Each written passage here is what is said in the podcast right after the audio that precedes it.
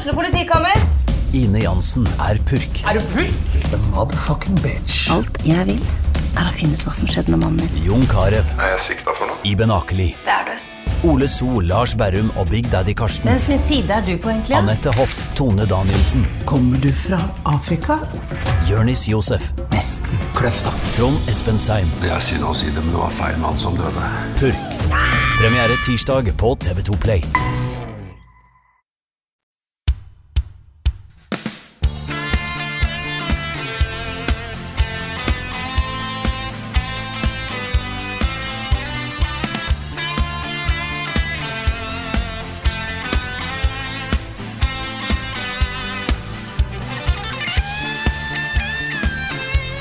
Starter ukens podkast med en eh, slags Black Friday-annonse som de fant på, på internett for Armored Core 6, med sitat bl.a. fra Level Up. Eh, Her ser vi eh, episke kamper fulle av adrenalin og spenning fra Game Reactor. Umiddelbar klassiker, umiddelbar action-klassiker fra Pressfire. Dette er the good shit fra Level Up. Dette er, dette er altså eh, Nix sin anmeldelse av Armored Core 6, som har blitt sitert i en annonse for Armored Core 6. Jeg vet ikke helt hvordan de valgte ut, og hvordan de valgte å skrive den, det sitatet. Et spennende valg er av sitat. Dette er først og fremst veldig eh, dårlig skrevet. Ja. Og så Det hadde sett mye bedre ut hvis det var skrevet på norsk-engelsk, liksom, enn på Mhm. svensk-engelsk. ja, for det er, det er litt svensk, men det, det er også litt dansk, føles det som. Ja, ikke sant. Det er blanding av mange språk i den, den der. Jeg vet ikke om det er noe, om det er noe autogenerert uh, sitatsopplegg på gang, men det var i hvert fall uh, du, får et, du får et inntrykk av at Levelup er litt unhinged ved siden av Game Reactor og uh, Jeg får noen veldig klare bilder av liksom disse to andre. De er sånn derre Fabelaktig. Extraordinary. Og så Ja. står Nick med to AK-er som ja. surfer på en T-rex, og dette er the good shit. Dette er de good shit! Et, et veldig veldig morsomt bilde. Og, ja, vi, og, og vi gjør ikke, vi gjør ikke narr av Nick her. Altså, han syns det er kjempegøy, han òg.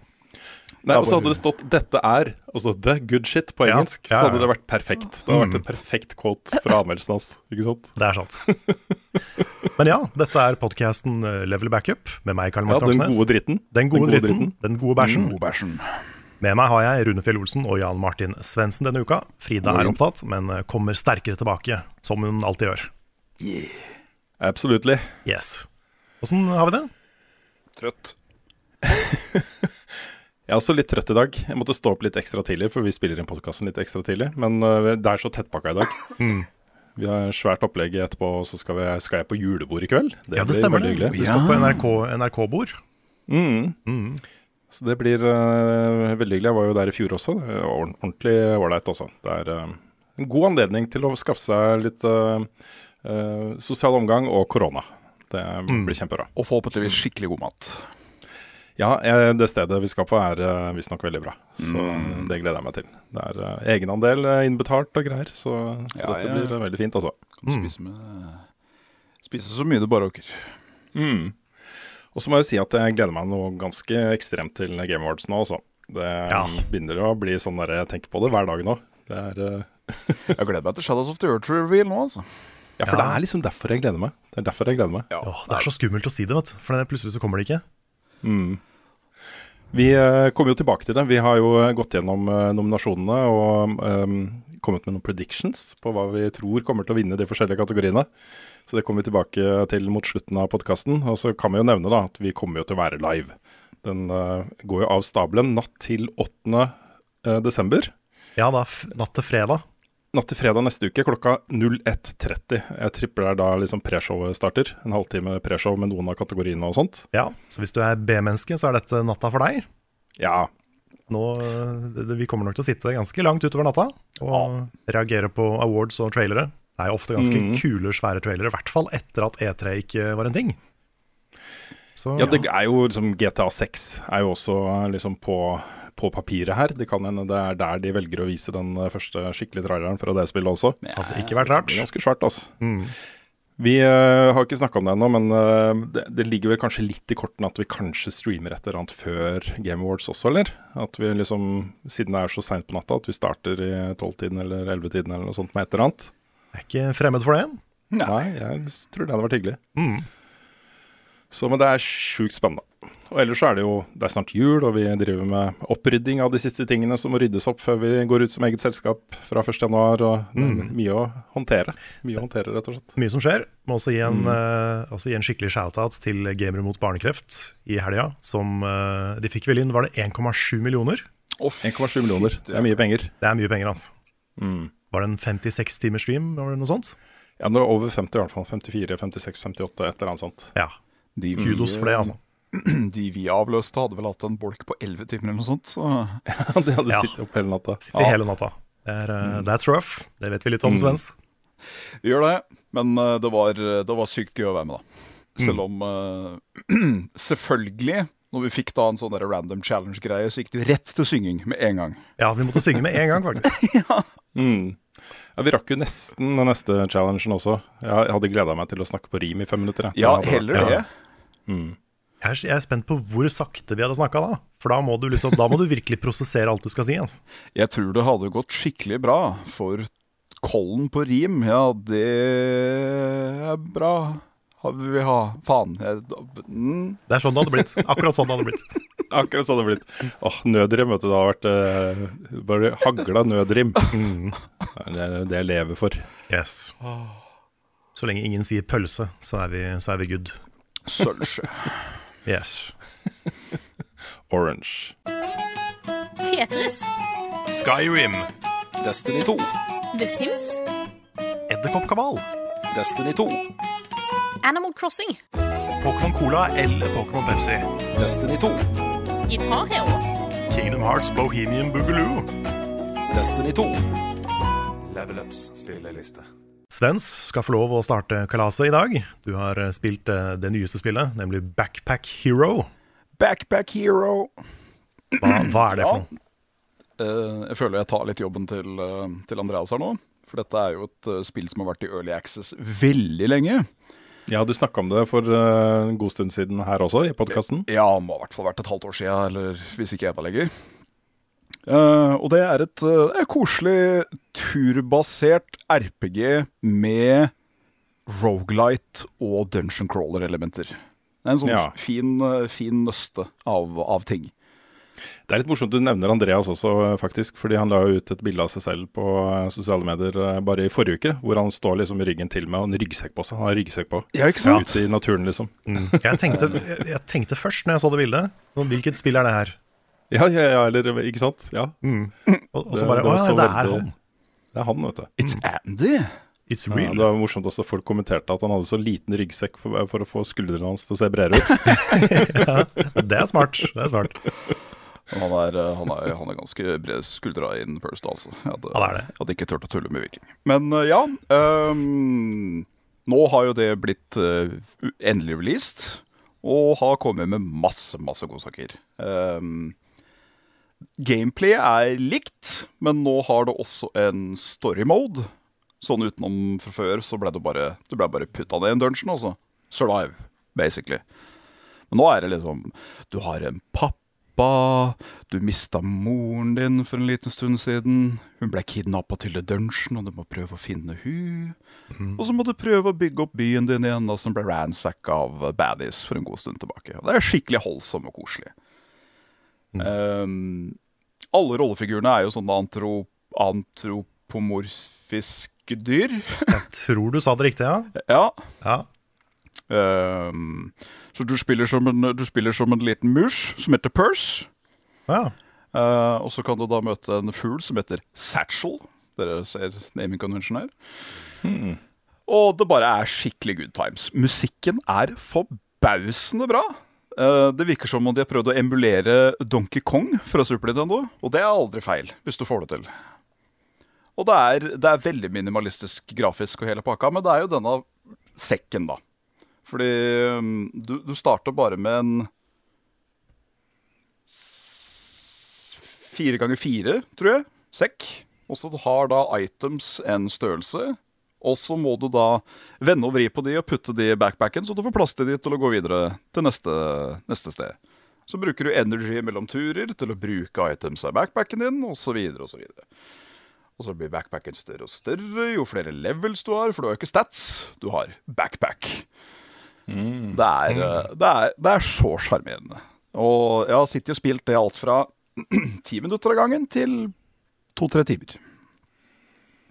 Så, Det høres veldig eh, digg ut.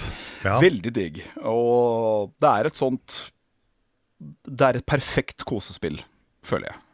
Enten når du har noe du bare veldig lyst til å spille, eller sånn «Eh, 'Jeg har en halvtime, slå i hjel før jeg møter på bussen'. La oss ta litt uh, backpackeneering. Det her høres ut som et sånt slapp av hjemme i jula-spill, syns jeg. Ja, For det jeg regner med det ikke er så veldig grafisk krevende. Ikke veldig grafisk krevende. Det er jo pixelart på hele greia. Eh, og så er det jo faktisk en, en, eh, en eh, isplass i dungeon, som også har uten tvil best musikken. Så bare kos seg. Ha. Kult. Vi hadde jo Andreas Hedemann som gjest for et par uker siden. Han snakka da om Backpack Battles og ikke Backpack Hero. Men yeah. uh, lett å forvirre de to. Ja. Det er ikke så mange Ja. backpack-spill. Nei, Nei, jeg, jeg, tror den derre uh, inventar eh, eh, management eh, er- har de felles, de to spillene. Ja. Men at de er veldig forskjellige i gameplay. Mm. det kan nok hende. Der også har vi egentlig en potensiell Level Up Awards-kategori i år. Beste koffert. Eller beste, be, beste sekk. Ja. Ja, for vi har en god Segway her hvis eh, vi skal gå videre. um, Ja, også, kan vi ikke men, eh, bruke den Segwayen? Ja, for jeg har jo nemlig da satt meg ned med Resident Evil 4 Remake. Ja. ja. Som jo definitivt er eh, Suitcase the Game, det også. Er det? Um, det, det var liksom sånn at jeg, jeg følte at jeg måtte spille det før Game Awards, siden jeg er nominert i flere kategorier. Mm. Og jeg må bare få si først, da, jeg håper du ikke blir for, uh, for i skyttergravene nå, Carl. Men jeg syns det er veldig rart å se det spillet på Game of the Year-kategorien. Uh, Ja, men jeg er helt enig, for så vidt. Det er kjemperart. Og så nå har jeg jo eh, Det er jo en del nytt der, men jeg mener jo at 95% av spillopplevelsen er på en måte det samme som det var da det kom ut. Uh, og da det kom ut, fikk det jo massevis av Game of the, Game of the Year. Uh, det vant jo massevis av Game of the Year. Det har vært Game of the Year før, dette spillet her. Uh, og det er basically det samme spillet. Også de nyhetene som er introdusert, det at du kan crouche og snike, f.eks er jo noe som egentlig bare er nyttig to-tre steder i spillet, um, sånn faktisk gameplay-messig. Um, det at du har den der parry-funksjonen og sånt, er på en måte bare en liten evolusjon av den muligheten du hadde allerede i originalspillet. Uh, og så er det jo gjort noen reworks på encounters og cutscenes og den type ting. Men det som er bra i spillet, det som er best i spillet, er um, det jeg allerede har spilt, da. Så det er uten tvil et veldig bra spill. Um, jeg syns kanskje Village er hakket bedre, hvis du skal sette de to rett opp mot hverandre i dag. Så liker jeg nok Village hakket bedre, altså. Um, men det er altså utrolig sånn kosespill. Det er, det er veldig kos, og særlig kanskje eh, et hyggelig gjensyn da, med et spill jeg likte veldig godt da det kom ut. Så, så det er bra, men jeg, jeg mener jo at liksom Hvis man skal ha dette nominert i en Game of the Year-kategori på Game Awards, så vil jeg jo si at bare det å oppskalere til 16.9 og høyere eh, oppløsning er en, den, den største tingen, liksom. Den største nyheten i denne remaken også. Så da burde man også hatt med Dead Space og eh, Metroid Prime eh, i samme vurdering. Ja, jeg er ikke helt enig, da. Jeg, er enig i at det er litt rart å ha det ved siden av alle de nye spillene på Game of the Year. Men, men dette er liksom lagd fra bånn av. Selv om det er basert på det gamle, så er liksom level design er nytt, og mange av fiendene er nye, bossene er nye. Ja, det er- level design er ikke så nytt, Carl. Nei, men det er, det er Ganske ikke i starten. Ja, det er jo ikke, det er ikke, det ganske samme, starten. det er ikke de samme mapsa, liksom. Det er bare basert på de samme uh, områdene. Ja, men de nøk nøkkellokasjonene i spillet er uh, opplev, husker jeg, Sånn som jeg husker i hvert fall, er veldig like. Som den første store byen du kommer til, eh, husker jeg som he mer eller mindre helt lik. Um, og en del av de andre nøkkellokasjonene også. Um, så det, jeg føler at de endringene de har gjort, er mer for gameplay-flyt enn gameplay-design. Uh, og grunndesignet i spillet er på en måte allerede gjort. Altså den største, tyngste jobben. Den eh, mest kreative, eh, mest skapende delen av produksjonen ble gjort da, da de lagde originalen. Mener jeg, da. Ja, jeg, jeg ser det argumentet. Samtidig så mener jeg at det er, en, det er en forskjell på Dead Space og det her. da. At Dead Space er på en måte det er det samme spillet, med det samme level-designet og den samme uh, bare det er, det er det samme spillet, liksom. Samme, med, samme med Metroid Prime, mens Resident Evil er liksom Det er basert på Resident Evil 4, men det er likevel liksom lagd fra scratch. da. Ja, er, man skaper en presedens her, da. Fordi det er ikke mye man trenger å gjøre med gamle spill da for å få det nominert på nytt til Game of the Year. Det er liksom bare å legge til litt nye bells and whistles, og så Ja, men det er det ikke måte- bare det de har gjort, da. Jo, det er det, Karl! Nei, det er, det er Jeg er ikke enig. Nei, det er ikke det. Oh. De har gjort mer enn det. De har bygd et spill fra scratch. Jo da, men eh, det er jo en, mer en teknisk eh, jobb da enn en kreativ jobb, er det ikke da? Det er begge deler. Det er jo Manuset er nytt, og det er jo helt, eh, noen av karakterene er skildra på en annen måte. Ja. Ja, jeg er uenig, men, uh, men det er greit. Det er liksom, jeg, jeg bare syns det er veldig veldig rart at man bruker plass uh, på Game Awards til en remake. Sånn av prinsipielle grunner, da. Uansett hvor mye eller lite som er gjort om det. Men hvor uh, grunnhistorien og, og grunnopplevelsen er lik det den var, da. Eh, Så selv om man har gjort en del nytt, så mener jeg det er rart. Jeg er ikke enig i at det er, hører hjemme i en Game of the Year-kategori. Uh, Ingen problemer med at eh, noen velger å ha det på toppliste, en personlig toppliste for året som har gått. Der kan jeg fort finne på å plassere både Dead Space og Resident Evil og andre ting sjøl også, hvis jeg har lyst. Det er jo opp til meg. Men eh, det, det er dumt. Det tar plassen til et annet spill som burde få den oppmerksomheten på Game Awards, syns jeg, da. Ja, ja på, på Game of the Year så er jeg litt enig i at det er litt rart. Men eh, det er ikke noe tvil om at det er et fett spill. Og jeg koser meg skikkelig med det. Og det er et eller annet med de der callback-følelsene man får da fra disse remakene av Resident Evil, eh, som er lagd med så kjærlighet og, og skaperglede. eh, at eh, man blir ordentlig revet med. Um, jeg syns også det er også når man har på en måte Når Capcom allerede har revitalisert Resident Evil med da 7 og 8, altså Village og Resident Evil 7, så er det dritkult å få da eh, disse gamle spillene i ny innpakning. da. Og så tipper jeg at Cold Veronica er next. Ja, altså det, eh, det må jeg si meg enig i. At uh, av originalspill som de skulle lage en remake av, så føler jeg kanskje at Resident Evil 4 er et av de de trengte å tukle med minst. Jeg ville mye heller Det har jo sett kommet remaster Ja, for det har jo kommet remaster av den før, men det har jo vært en én-til-én-remaster. For jeg, jeg personlig hadde vært mye mer hyped for en Code Veronica remake, sånn sett. Ja, av de gamle Resident Evil-spillene, bortsett fra liksom følelsen av å spille det aller første, så er det nok eh, Code Veronica jeg, jeg har likt best. Som har hatt mest avansert level design og og mest scope da, i, um, i um, verdenutforsking og den type ting. Ja, Fader, der sier du noe. De har jo ikke gitt den, eh, den remaster-treatmenten til uh, det første. Bortsett fra på GameCube, da. Ja, eller unnskyld, de har gitt remaster, men ikke remake eh, til det første. Ja, for det var en remake på GameCube. Ja, det var kanskje remake. Ja, det var full remake. Ja. Men det, det er jo lenge siden GameCube, så de kunne jo laga en eh, remake for tredje gang. Mm. Men nå virker, det, nå virker det virkelig som om de, liksom, de bygger på den faktisk kontinuerlige storyen i remakesene. Som er litt sånn ha. Men jeg er veldig spent på hva de gjør med fem og seks. Fordi de trenger nok ganske mye mer arbeid for å bli så bra som de kanskje burde vært. Jeg mener fortsatt at Resident Evil 5 er et av de beste Coop-spillene som er der ute. Ja, den, den ser jeg, men at de liksom, det er kanskje noen storyting der som, som, ikke er like, som ikke har holdt seg like bra. i- Nei, og i hvert fall sekseren. Herregud, det er flykrasj. Bokstavelig talt. Tutorialen er et flykrasj. Ja. Jeg er nesten, nesten gjennom, da. Jeg er på um, På kapittel 14, tror jeg. Oi, så ja, Som da er helt på slutten. da er du godt ute, ja. da har du gjort veivillinge. Gjort vei i vellinga.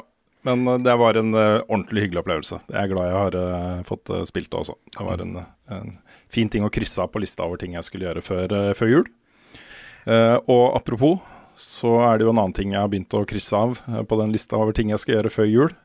Som jo egentlig da starta på den Gamere mot barnekreft-streamen uh, nede i Sandefjord.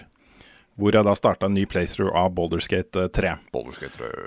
Mm, med dere to som coaches bak meg, liksom, som uh, ga meg masse tips hele tiden om uh, hva jeg bør gjøre og sånt. Eh, og jeg må jo si at med en gang jeg satte meg ned for å fortsette da på uh, saven eh, da jeg kom hjem, så savna jeg dere fælt, altså.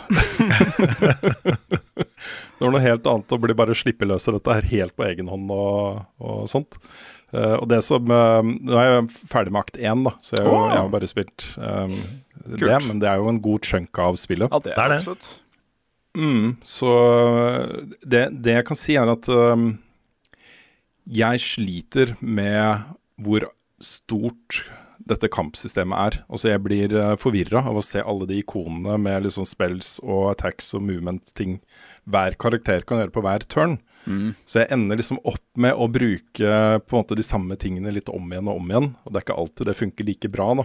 Så når jeg møter da fiender som jeg må liksom tenke litt mer kreativt og utenfor boksen på, så blir jeg sånn da fader heller, hvor er Carl og Svens? når jeg trenger dem som mest. Men det, jeg tror jeg spiller ganske likt som deg da. Fordi eh, Ja. jeg heller har ikke kontroll på alle spillsatte Shadowheart, f.eks. Mens eh, det tror jeg Nick og Svens, det, dere har det. Dere har mye mer peiling i sånn, i dybden på Baldur's. Det begynner å sitte. Det gjør det. Og jeg er litt mer sånn Kanskje et sted da mellom dere og, og Rune nå. Ja. Hvor jeg har, jeg har, jeg har litt peiling på, på de tinga jeg må bruke, og så alt det andre jeg ikke bruker så ofte. Det er ikke sånn, jeg, Hva gjør egentlig det?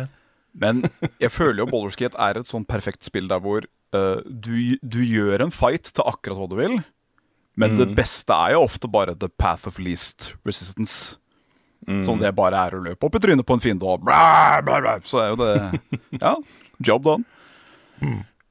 Ja da. Nei, også, eh, det er jo et amazing spill. Det er helt fantastisk. Det er jo s- Selvsagt måtte jeg spille dette før jeg skal lage en toppliste. Det er jo helt unaturlig å gjøre noe annet, syns jeg. da Det er en opplevelse. Eh, Ja, det er sjukt bra, altså. Og jeg syns uh, Dette nevnte jeg for deg også, Karl. Men jeg syns det, det jeg liker best med spillene, er også det, det altså Det er feil å si at det er noe jeg ikke liker med spillet, fordi det er ikke noe jeg syns er dårlig. Men, uh, men uh, historien er jo sånn Det er jo som å få en historie levert av en pubertal sprengkåt 15-åring liksom, som har utrolig god fantasi. Og som bare sitter og forteller ikke sant, Lasse på, så kan det ikke, så kommer skjer det, og så ikke sant, kommer det, og så skjer det, og så skjer det. Ikke sant, Og så ikke sant, sjekker det opp, og så videre. Så, um, eh, og det er, det er veldig sånn forfriskende og befriende og morsomt å spille en sånn type historie. Som bobler så mye av den type overskudd. Eh, men samtidig så syns jeg det blir Det, det blir eh, jeg, jeg sliter med å få en sånn dyp connection til det som skjer, da. Fordi det er så gærent. Alt er så gærent. Så, så jeg klarer liksom ikke helt Jeg prøver, liksom. Jeg har um, hakket før jeg kan uh, Kan det skje ordnings med Shadowheart. Og hun derre andre, hva heter hun? Hun uh, Lazelle. Ja. Jeg har allerede hatt meg med to ganger. Ja. right. Sounds about right. Så, så jeg, jeg prøver liksom, jeg snakker med alle og jeg går i dybden. Jeg tar de praten med folk når jeg kan og sånne ting. Men, det, men jeg får ikke helt den derre Det er den siste lille greia som gjør at jeg bare OK, dette er alt nå for meg. Den mangler litt, da. Så Ja. Men den tok litt tid for meg òg. Jeg syns først og fremst det var veldig gøy å sitte og spille det i multiplayer. Uh, og så spilte jeg aleine ved siden av, eh, og da fikk jeg mer av historien og fikk liksom oppleve en del ting på nytt. Ja. Da, da gjorde jeg noen flere connections, og så kom akt to. Og der ble jeg mye mer investert. Ja, det, er, det skjer ting i akt 2, altså. Det skjer ting i akt to, altså. Ja. jeg har fått med meg at det er særlig én rollefigur som jeg ikke har møtt ennå, som øh, øh, gjør ting med både historien og opplevelsen. som har blitt nominert i Som stemmeskuespillerne har blitt nominert i øh, noen kategorier på Og har du ikke møtt uh, Astarian? Nei. Oi. Er det jakt én? Han Ja, det han, kan du, han kan du møte i løpet av en time. Å ja. Nei, han har jeg ikke møtt. Hmm. Tror jeg. Tror jeg. Det er Vampyrboy? Ja, nei, jeg har ikke møtt noen vampyrer. Hmm. I hvert fall ingen som er uttalt vampyrer, sånn 'jeg er vampyr'. Nei, Nei? Ok. Du, for å si det sånn, du vet hvem Astarion er. Ja, ok, Nei, da har jeg nok ikke møtt han. Hvor er det du møter han, da? Hvor skal jeg lete? Nei, øh, sånn med en gang du hopper av Nautiloiden Mm. Så du kom til en forky pathen som enten leder deg til deg selv, mm. eller så kunne du tatt den andre veien for å møte Starren. Ja, nettopp. Nei, fordi det er eh, Jeg vet det er et, hjørne av kartet jeg ikke har utforska. Så um, jeg har ikke gått videre til akt 2 ennå, så jeg har muligheten til å gå Ja. tilbake. Men da, Så jeg er kommet opp på fjellet, jeg er på Mountain Pass og sliter voldsomt Ja, måtte men, de finne, det, for de kom jo til live igjen. ja, for du, men du fikk beskjed når du gikk dit at du hadde litt lav level, gjorde du ikke det? Ja, ja, ja. Ja, ja. Og da, da tror jeg det betyr at du har veldig lav level. Ja, for Jeg er level fem, tror jeg. Hmm. Ja, ja det er nok litt, litt lavt for akt Greit. 2. Nei, nei, ok, nei, men da skal jeg gå tilbake. Men jeg tror egentlig det jeg kommer til å gjøre nå, da, det er å vente, for jeg har lyst til å spille det i co-op. Vente og se om jeg klarer å få med meg en, og så bare starte på nytt. Eh, Og så spille gjennom hele um, med noen andre. Ja. Så hvis det er eh, noen som får lyst på en ny runde med Boulderskate Gate 3 i løpet av vinteren, så er det bare å si fra. Jeg hører hva du sier, Rune. Jeg hører hva du sier. Men jeg føler at jeg i hvert fall har spilt det nok da, til å kunne vurdere det ut fra en eh, eh, personlig topp 10-liste for året. Så, Mm. så da sier jeg meg fornøyd med det. Ja, for det, Jeg- det må jeg si bare som avrunding, at ehm, opplevelsen av å spille det aleine, så var det karakterene som gjorde det for meg. Ikke nødvendigvis historien, men det er liksom bare the complete package når vi er sammen. Mm.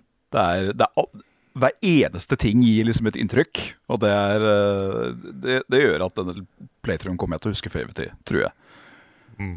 Ja, for jeg har hatt en del sånne opplevelser som jeg var sånn Pokker Nelle, nå skulle det vært noen andre her. For eksempel er hun derre heksa i uh, akt 1. Ja. Hvor eh, jeg ved et uhell Jeg skjønte jo at eh, man måtte ta på de der maskene. Det er i hvert fall en av måtene man kan ta henne på, er å ta på de maskene for å komme gjennom den døra. Men ved et uhell så sto en av karakterene litt nærme den døra. Så eh, encounteren ble starta, liksom. Det var bare én som fikk på seg maske og gikk inn. Og begynte da å angripe resten av laget, ikke sant. så da endte jeg opp med å slåss med meg selv. Ja, Ja, men, måtte men de maskene tok aldri vi på oss. Nei. Å nei. Nei, det, var i hvert fall, det var en måte du kunne det, De lå jo der. Det lå Ja. fire masker på det bordet. Mm. Så Red når jeg tok den på, så kunne jeg gå gjennom døra. Men da hadde det vært kult å ha vært noen andre der. Da, da har det litt sånn derre Jeg driver og sett masse på, på Let's Plays og, og klipp fra uh, Fra uh, Lethal Company, som jeg mener vi bør spille, da. Det er et co-op horrorspill. Jeg vet ikke om dere har sett noe på det. Bare litt. Jeg har så bare sett noen små bruddstykker av det, tror jeg. Ja, Det er jo litt sånn der extraction-spill, hvor du lander med et romskip og så skal inn og hente greier. Og så er det mange forskjellige typer monstre inni den bygningen og rundt bygningen. da, Som uh, har hver sine ikke sant? Det er en f.eks. som bare eh, du kan se. Så resten av laget ditt ser ikke det monsteret, men du ser et monster som er etter deg. ikke sant? Kult. Så alle de andre som ser, da plutselig så bare eksploderer eh, kompisen din foran deg, liksom. de har ikke sett noen ting, ikke sant. Og så er det targeter den monsteret nestemann, ikke sant. Altså, det er Ha. Det er kjempegøy å se på. Jeg tror det er kjempegøy å spille også. Jeg har så lyst til at vi skal ta en coop-greie på det der. Altså. Mm. det. Så, um, Men litt, litt tilbake til Baldur's Gate. da. Jeg synes, um, det som, Noe av det som imponerer meg mest med det spillet, det er hvor ofte det plasserer deg i situasjoner hvor ikke du vet hva som er riktig. Ja. Og det Spesielt etter hvert i spillet. Så er, Du får så mange valg som er sånn her Jeg aner ikke hva som er smart å velge her. ja, ja, ja. Og det, Du blir jo litt paranoid, men samtidig så er det dritspennende. da. Mm. For det første så vet du ikke om du kommer til å klare da, den, den checken. Men til og med hvis du klarer det, så kan det fortsatt hende at du har driti deg ut. Mm. At du har tatt et veldig dumt valg. da. Ja, det er også en ting jeg virkelig, virkelig elsker med det spillet her. Fordi jeg føler allerede nå, da, at de, de valgene som jeg tar, og de uh, checkene som jeg får suksess på eller ikke, da, at det blir tatt seriøst gjennom hele spillet. At det jeg, jeg, jeg får liksom konsekvensen av det. Det er ikke bare en sånn liten ting som kommer og går. Det er noe som føl vil følge meg gjennom hele spillet. Og det syns jeg er kjempekult. Jeg spilte jo sånn, Det blir jo en litt dårlig sammenligning, men uh, grunnleggende noe av det samme med Life is Strange. Som jeg aldri har hatt lyst til å spille mer enn én en gang. For der gjorde jeg en del valg som jeg føler er liksom min historie. Um, og så kan de andre valgene det, jeg, det plager meg ikke at jeg ikke vet hvordan de påvirker historien. Uh, det er litt det samme her. At uh, man får et verktøy hvor uh, du konstruerer på en måte din grunnhistorie. Og så kan du heller gå tilbake og kose deg med gameplay-ting og, og eksperimentere og sånt etterpå. da. Men når jeg kommer da til siste akt og rulletekst og sånt, så vil den historien føles som min. Og det syns jeg er veldig kult. ass. Det er kjempe, kjempekult. Og så merker jeg at liksom, jeg har spilt et spill hvor historien er så kåt og stolt av det. Og det er sånn, jeg syns det er litt kult. Jeg synes det, er litt sånn, det er litt gøy at de bare Jeg vet hva, Vi er ganske kåte, vi. Det er greit, det. Ja, det er liksom, og det, det, det føles som en veldig naturlig del av spillet, samtidig som det på en måte Ja, nei, det, det, det blir håndtert som en naturlig ting, da. Og ikke som en sånn derre creepy typisk videogame, sånn der, nå må du si de riktige tinga, og så får du sex, liksom. Det, det er sånn, Nei. selv om det er litt, litt av det fortsatt, så er det det, det føles så mye mer normalt, da. Ja, altså jeg har jo, eh, må jo eh, bare full disclosure, jeg har ikke så mange, eh, så, så mange tendenser mot SM egentlig. Men den sekvensen inne i Goblin-campen med han fyren som skal dele ut smerte, Ja, da koste jeg meg altså. Ja, da da koste jeg meg skikkelig. Beit tenna sammen og bare tok det, si. Ja, ja, ja. Men det, det er sånn de der dialogalternativene du får opp og sånn da, det er genuint morsomt. Da. Det, er, Ja. det er genuint bra, liksom. skal ikke du bare gi meg pisken? Jeg kan gjøre det sjøl, jeg, ass. ja, det var helt på det nivået der. og så får du en buff som er med deg resten av spillet, hvis du bare holder ut. Ja. Det er kjempebra. Vi hadde et, eh, denne episoden er ute nå på kanalen, men eh, vi har jo en sånn fantastisk eh, side story med Nick, som eh, har veldig mye tillit til en person som skal operere, operere på han. Mm. Det, det går skikkelig gærent. Det går sånn kjempegærent. De lydeffektene der, de har gitt meg Ja. traumer i etterkant. Ja, Det er noe av det ekleste jeg har sett noen gang, men Ja, det, var, det var også utrolig sånn darkly morsomt. Ja. Ja, det var helt hysterisk, men det var også bare satt sånn og Ja. Og Nick bare sånn Ja, dette er sikkert en god idé. Kan ikke du hjelpe meg? Men du, den serien deres, Ja. eh, hvor mange av episodene er det som er uh, akt én? Hvor langt kan jeg se da? Nei, du kan se alt til nå. Det er, Å ja, okay. Vi har filma mye mer enn vi har klippet. Ja, nettopp. Så vi er ikke, vi er ikke gjennom akt 1 på YouTube ennå. Ah, It's quite the unsightly beast. ja, det blir kos. Ja, det, det gleder jeg meg til å se også. Og så ikke minst, så jeg, jeg, jeg skal jo fortsette på å spille, eller i hvert fall komme meg gjennom det. For det er så bra er det, syns jeg også, da. Ja, men det bra. Så selv om dette, det, dette er ikke min sjanger, og det er fortsatt ikke helt min sjanger Jeg er eh, fortsatt ikke sånn helt solgt på turbasert eh, slåssing. Eh, jeg syns fortsatt det er hakket for eh, avansert. Jeg savner liksom en litt mer eh, sånn Witcher-lignende eh, type combat, da. Uh, men uh, eh, jeg uh, koser meg allikevel, og da må spillet være ganske bra Mm. eh, for at jeg skal gjøre det. Så, mm, så det er et, det, var et eh, ordentlig høydepunkt i året også. Men jeg kan jo avsløre at det kommer nok ikke til å toppe min liste i år. Det gjør det ikke. Så, men der kommer jeg kanskje ganske nære, da. Det er litt eh, det, det kommer høyt på min liste òg. Jeg skal ikke si nøyaktig hvor, men det kommer, det kommer høyt hos meg. Jeg hadde Nei, jo også. null hype på forhånd. Og det, var, det har vært en sånn utrolig hyggelig ting å oppdage. Det var jo bare den derre rett, før- rett før og rett etter launch, så bare var det en sånn der glød rundt det spillet som gjorde meg nysgjerrig, da. Selv om jeg hadde null interesse hele tida mens det var i Early Access, og plutselig så bare var det der, og så var det sånn shit, er, er, det, så, er det så bra som folk sier? Og så var det det. Ja, for jeg var jo Veldig lei meg. Unnskyld. Ja, bare fortsett, du, Sans. Nei, for jeg var bare dum. Fordi jeg har jo spilt mye av Larrens tidligere spill, og elsker det jo. Men når Boulders Gate 3 kom ut og liksom Ja, nå er det Early Access, og det kommer rundt, så, jeg, så var det sånn Ja, det, det, det kommer når det kommer. Boulders Gate. Jeg har aldri vært sånn kjempe inn i det. Så det øyeblikket man begynner å spille, som er sånn Oi, hvorfor gleder jeg meg ikke helt umenneskelig til dette? Ja, men det var jo sånn, jeg husker vi snakka om det også. ehm, lave forventninger i markedet generelt, liksom. Ja. Eh, Microsoft var jo sånn derre Dette er en liten sånn kult uh, som er sikkert er bra for et smalt publikum. Oh, thou naive child. Ja, og så tar det over hele spillmediet i år, liksom. Det er, eh, jeg syns det er så kult å se, altså. Dette, er, uh, dette er på en måte det endelige beviset på at, uh, at nå er- eier nerdene alt. Ja, vet du hva? når, DND har blitt stuereint og massemarked på den måten som det har blitt med Boulder Skate 3, så, så har vi tatt over alt, ass. Da, Men jeg, jeg tror også den derre siste uh, De siste reklame Altså de siste trailerne før launch tror jeg også gjorde mye. Fordi veldig mange av de som hadde kommet før, der var det mye fokus på cutscenes og skuespillere som var med, og det var sånn der, veldig vanskelig å komme inn i for noen som ikke var interessert fra før. Og så kommer da den launch-traileren, hvor, hvor liksom taglinen er 'Let's party'. og, så, og så viser de en scene av liksom bjørnesex og ganske mye rare fucka ting. Og da er sånn der, ok, hva er det her for noe? Da, da blir du på en måte Da må du vite hva det er. Ja. Jeg tror de, jeg tror de var litt smarte der, altså. Mm. Ja, For DND er jo et ganske crazy univers, det må jo sies. Det Det er er jo basically uh, satt i system at fantasien er din e eneste begrensning. Mm. Det er jo en, det er en druide da, som blir til en bjørn, så det er på en måte consensual. Jeg vet ikke om det gjør det mer greit. Men eh, Så er det den morsomste sekvensen, eller morsomste enkelt sånn tingen i noe spill i år som jeg, som jeg har ledd mest av, er den der dumme kua i den der første druidecampen. Som du kommer og går forbi, og sånn, det er et eller annet rart med den. Og så begynner du å ha dialog med den, og så sier den bare 'moo' med menneskestemme. Ja.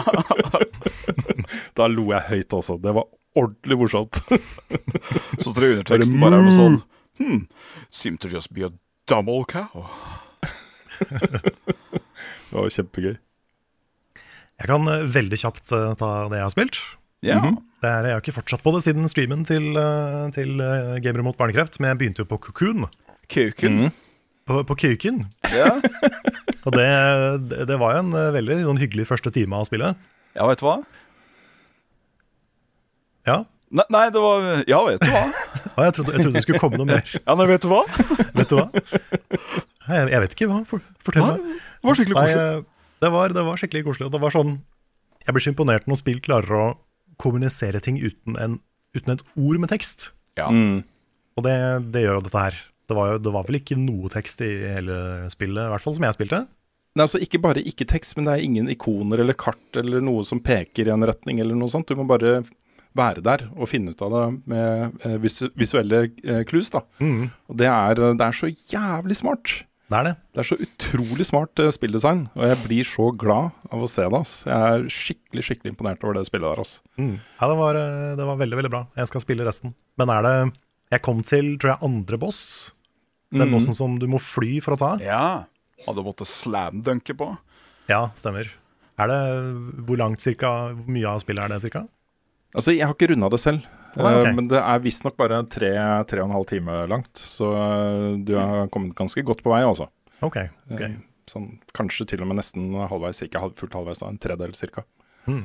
Kult. Så det er fullt mulig å gjennomføre det på en kveld. Ja. Har jeg på en måte nå skjønt hvorfor det er bra, eller er det ting videre som hever det enda mer? Altså, Jeg vet jo ikke 100 da, sikkert, men Nei. det jeg har hørt, er jo at, øh, at um, uh, Altså Det prinsippet om at, uh, om at um, uh, utviklerne stoler på at du bare finner ut av ting på egen hånd. Du får jo flere og flere verktøy i den der verktøykassa der, hvor du skjønner mer og mer av spillet. Den introduserer litt nye elementer, du må flytte på den ballen, du må se på de ikonene. At det legges på flere lag på den, da. Um, så det jeg tror, uh, er jo at når det kommer liksom mot slutten, så er den verktøykassa så stor og avansert og uh, omfattende, uh, men allikevel lett forståelig og veldig sånn intuitiv, at uh, spillopplevelsen vokser av det. da. Det er sånn, det er sånn jeg har forstått hvordan slutten av spillet er. Men, uh, men jeg skal også komme meg gjennom det før jeg skal lage lister, så jeg, jeg er også spent på det.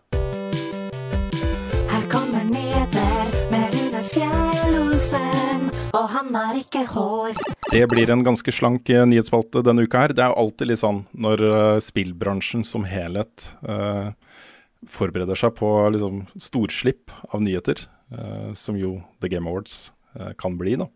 Det er der vi får eh, announcements om datoer og nye spill og, den type ting nå. Så, så det er ikke så veldig mange, mange nyheter å ta tak i her. Men jeg har lyst til å anbefale folk en, en kommentar på Pressfire, som Erik Fossum eh, skrev, om eh, eh, status for e-sport i dag, og ikke minst fokus da, på Saudi-Arabias inntog i e-sportens verden. Det er en superlang artikkel, eller kommentar, med massevis av research og grundig eh, eh, info om hvor, hvor e-sport er i dag. Eh, og det, var, det er nesten litt sånn sjokkerende lesing også, fordi den, eh, den eh, tegner jo et bilde av en, eh, en eh, e-sport som ikke er helt sunn akkurat nå. Eh, det er jo sånn som f.eks. Face Clan, som for bare eh, kort tid siden var verdsatt til flere milliarder. Nå ble solgt da, for 16 millioner dollar. Um, hvor um, Saudi-Arabia har gått inn og kjøpt opp ESL og massevis av, eh, av ligaer og, og sånt. Og på en måte eier nå hele Counter-Strike som e-sport. Um, hvor Valve um, nedskalerer The International og league, uh, Dota. Um, uh, turneringer og den type ting, og Riot gjør det samme. Så det er på en måte der Han beskriver et bilde av et luftslott som har sprukket, ikke sant, en boble som er over. Um, og så er det ikke en sånn helsort uh, analyse heller. Dette har på en måte skjedd litt i e-sport før. At uh, folk har overvurdert den. Investorer har gått inn med masse penger som de har tapt. Fordi pengene er ikke der ennå, uh, sånn som blir lovet. Så, så, det er ikke noe sånn at e nå er e-sport død-type artikkel. Uh, men, men, det er jo en stor, stor bekymring, da at Saudi-Arabia sitter med så mye makt over e-sport nå. Så, um, så, jeg anbefaler folk å lese den. Det er en øyeåpner, og et, jeg tror det er veldig viktig at folk får det perspektivet på e-sport. Mm. At de, at de ja, blir informert om det. Mm. Så bra jobba, Erik. Bra ja, jobba. Erik Fossum er flink, altså. Um, og da blir det jo litt, uh, litt uh, kanskje litt uh, spakt, de nyhetssakene jeg har med. Dragons Dogma. Jeg har skrevet i manus her, er det fortsatt Dragons Dogman. har jeg skrevet i manus. Dragons Dogman, ja. Den beste, har fått lanseringsdato. Hva sa du, Karl? Den beste Megaman-bossen, det. Ja, ja, ja. Dragons Dogma, lanseringsdato 22.3. Oh. Dette er jo uh, Capcoms uh, um, kulthit, Dragons Dogma, uh, oppfølger av den. Mm. Uh, som jo har blitt hva skal man si, hakket mer relevant etter suksessen med Elden Ring. Det er litt den samme type opplevelsen, men kanskje enda mer uh, retta mot co-op. At man skal dele dette med andre. Med 100% delt progresjon og den type ting. Uh, men det er medieval fantasy, og det er uh, drager, og det er uh, forskjellige klasser, og det er litt sånn Souls-aktig combat og, og sånt. kanskje blandet med Monster Hunter, Carl? Ja, litt, det var litt Monster Hunter inni der. Også mm. litt Shadow of the Colossus, syns jeg. At det, det er ja, noen sånne kan... klatresekvenser og litt sånne store, massive bosser som du må liksom bevege deg rundt på, og sånn. Mm. Ja, det var en av, en av sekvensene i den nye traileren som var, som var, veldig hype. En god trailer. Så, så ser du laget stå og slåss mot en svær drage, og så er det én på laget som sitter oppe på hodet og dunker med sverdet på mm ikke sant? jeg fikk, det, jeg fikk uh, det forrige Dragons Ogma av julegave. Uh, av julegave til Carl, hører du? Ja. Omvendt. Uh, til julegave av Carl ja. uh, for et par år tilbake. Og det er noe veldig graverende at når du møter en ogre som liksom er 20 meter høy, så bare begynner du å klatre opp på den, og så begynner du bare å slå den i trynet. ned med det! Ned med det! Det er, uh, det Av inntrykket jeg har fått, så er det veldig sånn uh, det å si at det er storyfattig, det blir kanskje feil å si. Men det er, ikke, det er ikke derfor du er her. Det er for the spectacle. Det er for å mm. være too cool to fool, rett og slett. Mm. Mm. Og det, det, første Dragons Dogma er kanskje litt sånn som det første Alan Wake. At det liksom konseptuelt utrolig kult, men den, det klarte ikke helt å naile det. Mm. Det klarte ikke helt å mm. leve opp til sitt eget uh, løfte, liksom. Mm. Men uh, det er lov å håpe da, at det, dette her blir litt sånn som Alan Wake 2. At liksom nå, nå naila de det. Har litt hype. Ja. ja, jeg har litt hype sjøl, jeg. Og det er liksom sånn, Jeg husker vi snakka om det da Eldring Ring ble lansert. Um, nå kommer det til å komme andre spill som ligner på dette her. som det ofte gjør, da, når noen har en stor suksess som alle kaster seg over. Uh, det kommer et annet spill neste år også som jeg er dritspent på, uh, nemlig Soul Frame. Soul Frame av uh, utvikleren av Warframe. Som jo er Warframe, men med Souls Combat. Mm. og den type karakterutvikling og progresjon. som også fikk en ny trailer ganske nylig. som så veldig kult ut. Altså kule bosskamper og stilig combat. Så, så fra da en utvikler som jeg vet Hver gang jeg snakker om Destiny, så sitter det alltid noen klare om Hva med Warframe, da? så, så, jeg er dritspent på det, altså. Mm. Det, ja. Eh, og apropos Destiny 2. Det kom et rykte i forbindelse med, med eh, oppsigelser og, og, nedskjæringer nå for noen uker siden i Bunji eh, om en utsettelse av den siste story expansion eh, til da denne tiårssyklusen til Destiny. Eh, nemlig The Final Shape, at det skulle da bli utsatt fra februar til juni. Og det har de nå offisielt bekrefta. Mm. Eh, Destiny 2 The Final Shape kommer nå 4. juni. Eh, og de skal eh, De skal uh, uh, lansere noe et eller annet uh, Into the Light, kaller de det. I den to, en sånn tomånedersperiode som leder opp til, til juni. For det kommer til å bli innholdstørke nå. Eh, og jeg tror det de setter på, vil nok være plasteret som mange egentlig ikke vil få noe særlig ut av. Uh, men uh, harde kjernen, da. At de har noe annet å gjøre mellom da februar og, og juni. Mm. Så, um, så jeg vet ikke. Jeg har lastet ned og um, tenkt til å kanskje starte den nye sesongen, som åpna nå på tirsdag. Men jeg vet ikke helt ennå. Jeg, jeg, føler meg ikke helt klar til å gå tilbake til Destiny ennå. Da er vi to. Ja. Men uh, The Final Shape er jeg spent på, og det er et sånn type uh, spill som Hvis jeg skal lage noe uh, ting jeg gleder meg mest til i 2024, det skal jeg helt sikkert gjøre, så vil nok det komme med. Og det er jo rett og slett fordi de sier jo at, at de i forbindelse med den uh, nyheten her, så sier du jo at det målet deres er å lage en opplevelse som Destiny-fansen kommer til å tenke på og snakke om i årevis Mm.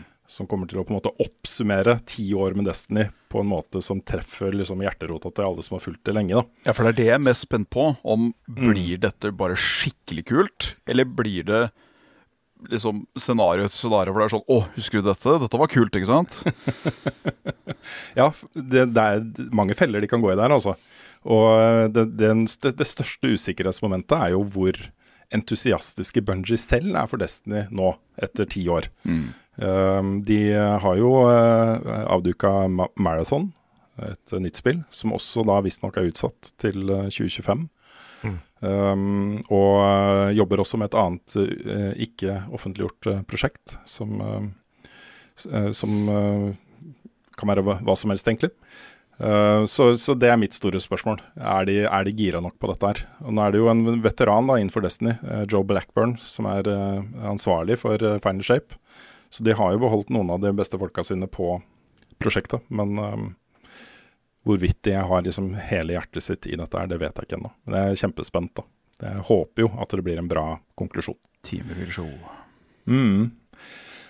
Og så uh, hadde jo Ubisoft en herlig liten uh, snafu på uh, Ubi Pluss, er det vel heter, den eh, abonnementstjenesten sin, hvor ting bare plutselig dukka opp, og folk kunne spille, da. Eh, Beyond Good and Evil Remastered. Eh, Ja. Altså 20th Year Anniversary Edition. det har jo 20-årsjubileum i år, da, 2023. Ha. Eh, men da satt de og spilte, og det lå jo masse gameplay på YouTube og sånt. Folk eh, tok jo opptak og la det ut. Før det da ble eh, tro, trukket tilbake, eh, og disse videoene ble uh, claima for copyright strike, da. Ja. så, um, så det kommer, da, eh, har de bekrefta, i 2024. En Ja. remaster av Beyond Good and Evil. Jeg har hørt at den ikke er noe bra. Altså, de folk som har spilt det, sier at det er, det er ikke pent. Remastered? Ja, altså remasteren av Beyond Good and Evil, at det ikke er, eh, ikke er up to snuff, rett og slett. Ja, Det vet jeg ikke. Jeg har, eh, jeg har eh, prøvd å starte på originalen flere ganger, for den ligger jo på Steam blant annet. Og um, det er for chunky. Uh, men jeg husker jo Jeg husker jo hvor godt jeg likte det da det kom ut for 20 år siden. Det er jo en utrolig flott opplevelse. eh, med, med Du flyr jo med dette romskipet mellom forskjellige planeter og utforsker og gjør forskjellige ting. Dritkul hovedperson. eh, den grisen er kjempekul. Og så konseptuelt et veldig sterkt spill. da så, så lenge de klarer å få det spillbart, så kommer jeg til å ta en ny runde. Eh, Jeg har en, men jeg har en romkamerat som har et fetisj for, for dette spillet. Jeg tror mm. han sånn forhåpa Game of the Year hvert eneste år er Beyond Good and Evil 2. Ja. Vi, eh, jeg vet fortsatt ikke om det blir noe av. Nei. Michel Ancel er jo ikke i Ubisoft lenger. Og, Jeg tror det er dette Nei. for lenge siden, men det er lov å håpe. ja, jeg Ja, vet ikke. det ble jo annonsert da vi var på E3, så det er ganske mange år siden. Ja. Mm. Nei, det, er, det skjer mye rart i, i Ubisoft om dagen. Um, så um, det er jo ting som har blitt uh, kansellert, og ting som har blitt uh, utsatt og utsatt og utsatt. Uh, så ja.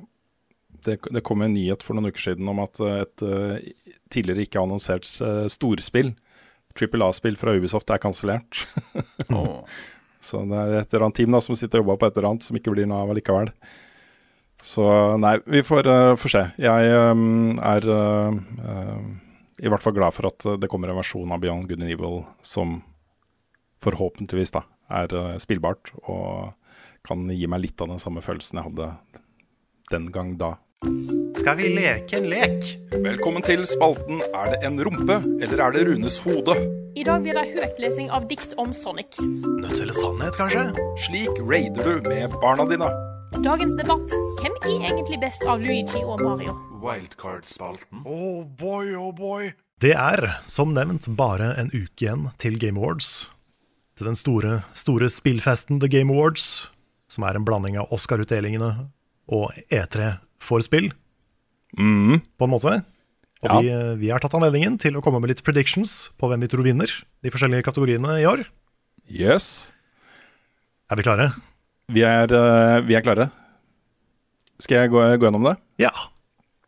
Kan du nevne først da at um, grunnen til at vi er hypa på The Game Awards, er jo fordi det er en um, Hva skal man si Kanskje den beste publikumsorienterte uh, prisutdelinga som er i spill.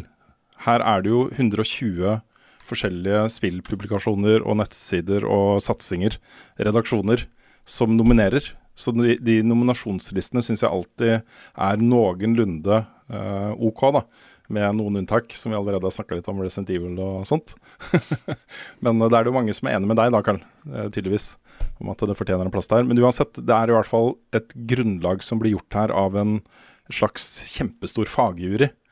Uh, hvor uh, resultatet blir at det er ikke så mange spill som blir glemt her. Det er noen spill som kanskje ikke får den oppmerksomheten som noen mener de fortjener.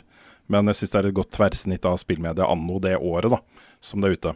Eh, og så er det jo publikumsavstemningen som avgjør eh, til slutt. Så alle kan gå inn og stemme. Så det er en kombinasjon av fagjury og, og publikumspris, og det syns jeg er litt ok. Um, og så er det jo disse nyhetene. Også nye avduking av nye spill, nye trailere, datoer for ting som vi gleder oss til. Uh, konsert på scenen, kjendiser. Det er på en måte en pakke da, som er litt sånn uimotståelig hvis du er glad i spill. ikke sant? Ja, og uimotståelig og, og litt klein, alltid. Som, Mm, alltid litt klein. Alltid noe som er litt sånn iffy. Sånn som uh, litt for mange Ja, ja. reklamepauser, litt for langt show. Mm. Um, ofte noe som går gærent, noen som kommer opp på scenen som ikke burde vært der. Litt, litt sånne ting. Ja, ja, ja. Så det er jo litt spennende det, bare for å se hva, hva blir bra, hva blir ikke bra i år. Mm. Vi nevnte jo tidligere også, men vi skal jo kjøre live. Det showet kan du se live hos oss på eh, Level Up Nord på Twitch. Vi eh, starter nok i hvert fall klokka ett. da. Eh, Preshowet til selve Game Awards starter jo 01.30 på natta, natt til fredag. eh, 8. desember. Stemmer, stemmer. Så det er bare å bli med. Det er alltid skikkelig bra liv, selv om det er midt på natta på de streamene våre der. Det er det. Men vi går litt sånn kjapt gjennom, fordi nå har vi jo gjort predictions, våre predictions. Oppretta et, eh, et Google-dokument med alle kategoriene hvor, eh, hvor eh, jeg og du, Carl, og du, Svens, og Nick og Frida har satt kryss på de vi tror vinner. Dette er jo ikke våre personlige favoritter, men det er de spillene vi tror vinner i de forskjellige kategoriene. Ja, ja, for det er viktig å presisere. Det er ikke de vi heier på, Nei. men det er de vi tror Game Awards velger.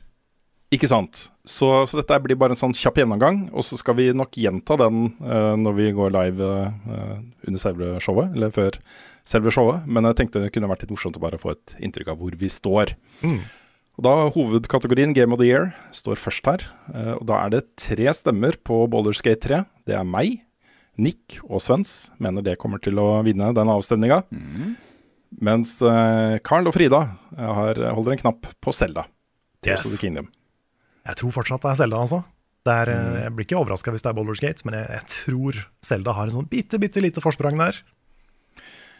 Ja, det er et eller annet ja, Vi trenger ikke å ta den fulle diskusjonen, men jeg, jeg, jeg Det er litt sånn kanskje recency bias også uh, i bildet der. Mm. Men det er Jeg tror det er um, Ja. Jeg, tror det går til Bollerskate. Og så da på beste game direction er vi litt mer enige. Vi er uh, jeg og deg, Carl, og Svens, vi tre, uh, tror Alan Wake 2 vinner den. mens eh, Nick holder en knapp på Boulderskate 3. Mm. Det er en vanskelig kategori, fordi hva betyr game direction? Mm. Er det liksom regi som i film, eller er det spilldesign? Det kan bety veldig mye forskjellig. Ja, og det betyr jo tydeligvis det også. eh, også den, den forskjellen er godt illustrert med Boulderskate 3 og Alan Wake 2. Ja. Alan Wake 2 er et ekstremt regissert spill, mm. hvor utviklerne plasserer deg i situasjoner hvor de har full kontroll på en måte over det du skal oppleve. Mens eh, Baldur's Gate 3 så er det på en måte mer et verktøy, en verktøy for å lage sine egne opplevelser. Mm. Og så er jo både Mario Bros. Wonder og Zelda nominert her. -hmm. Uh, og det er jo også to spill som bare handler om gameplay og spilldesign. Ja. Nesten. Så, Mm. så det er en rar kategori. Ja da, men eh, sånn er spill. Sånn er spill. Og så er vi ganske enige om beste eh, adaptasjon også, hvor, eh, eh, hvor The Last of Us eh, har eh, fått et kryss fra både meg eh, og deg, Carl, og deg, Svens, og Frida. Eh, mens Nick holder en knapp da på The Super Mario Bros. Movie. Der tror jeg Nick hadde lyst til å være litt Han hadde lyst til å skille seg ut litt. Ja, kanskje. Det, det virka sånn. Ja. Men det er nok de to det står mellom. De andre nominerte her er jo Castlevania Nocturne, uh, Gran Turismo-filmen, og Twisted Metal er også nominert her. Så igjen, da, best, best narrative. Her har vi jo også en, eh, en tydelig forskjell. Der har vi Frida og Nick på Boulderskate 3. Mens eh, vi tre er samstemte igjen også på Alan. Wake 2. Mm. Det er 100 magefølelse fra min uh, ståsted, må sies. Mm. Men av alt jeg har sett og jeg har hørt om Alan Wake 2, så bare virker det som at, som Carl sa tidligere, at uh, Alan Wake 1 ga et, en skisse for noe som kunne bli Mm. jævlig kult. Og nå har de bare fått liksom Nå har de fått fullført visjonen om hva Alan Wake kan bli. At det bare er Ja, jævlig det- fucka. Ja, det er helt enig, men dette er kanskje den jevneste kategorien av dem alle, tror jeg, da. Fordi uh, de andre nominerte her er jo Cyberpunk 2077, Phantom Liberty, eh, Final Fantasy uh, 16 og Spiderman 2. Eh, og dette er jo da fem eh, spill med veldig sterkt eh, narrativ og historie. Så, Kan så det er ikke, den, den er jeg mest usikker på av de jeg har stemt på her. Ja, kan hende jeg hadde stemt annerledes hvis jeg hadde vært igjennom Phantom Liberty. Det skal du ikke se Mm. bort fra. Ja. Og så, så kommer det så veldig an på hva juryen vektlegger her. Fordi du kan Mm. argumentere hardt for Baldur's med tanke på at det er en så åpen historie som kan gå i så vilt forskjellige retninger. Mm. At det, det er jo sykt imponerende, liksom. Hvis du skulle valgt en konkret historie, så hadde jeg satt, eh, satt stemmen min på Alan Wake. Ja, og her kommer dette med publikumsavstemningene litt inn også, da. Um, og det er jo Utfordringen med å ha publikumsavstemninger er jo at hvis et spill har solgt ti ganger mer enn et annet spill, så skal det litt mer til da, Mm. for at det som har solgt minst, uh, får flest stemmer. Mm. Så kanskje prosentandelen av de som har spilt det, vil i høyere grad stemme på det som har solgt minst, mens det er pro eh, antall personer som stemmer på det andre er såpass mange at det likevel får flere stemmer. Så, så rent personlig, da. Nå har jeg skrytt veldig av Game Awards, men mine favorittkåringer er jo uh, Dice og uh, uh, den som er på Game Developers Conference. Som jo er utviklerne selv som stemmer. Så det er veldig sånn fagjury Alt er fagjury, da. Det, det er på en måte ofte, da, eller i noen tilfeller i hvert fall nærmere på en måte, i anførselstegn sannheten. Ikke sant. Mm. Så på beste art direction er vi også to spill som har fått eh, stemmer. Um, det er eh, Alan Wake 2 på meg og deg, Svens. Mm. Og så er det Hi-Fi Rush på deg, Carl, og på Nick. Stemmer. Mm. Frida har avstått å stemme. Jeg tror hun har, det er noen av kategoriene hun ikke har eh, klart å bestemme seg, eller ikke har spilt nok av spillene til å sette kryss. Mm. Jeg var veldig usikker på den her. Det, mm, når jeg ser på, ser på den i dag, så er det ikke sikkert jeg hadde valgt High Fire Rush. Men uh, i, i går så ga det mening for meg. Men uh, ja, nei. Det, er, det, det kan gå til mange forskjellige, den her, altså. Du kan argumentere for Lies of Pio, selv om det er, det, er ikke, det er ikke fullt så imponerende som Bloodborne, med samme vibe, så er det, er fortsatt høyt oppe. Altså. Ja da.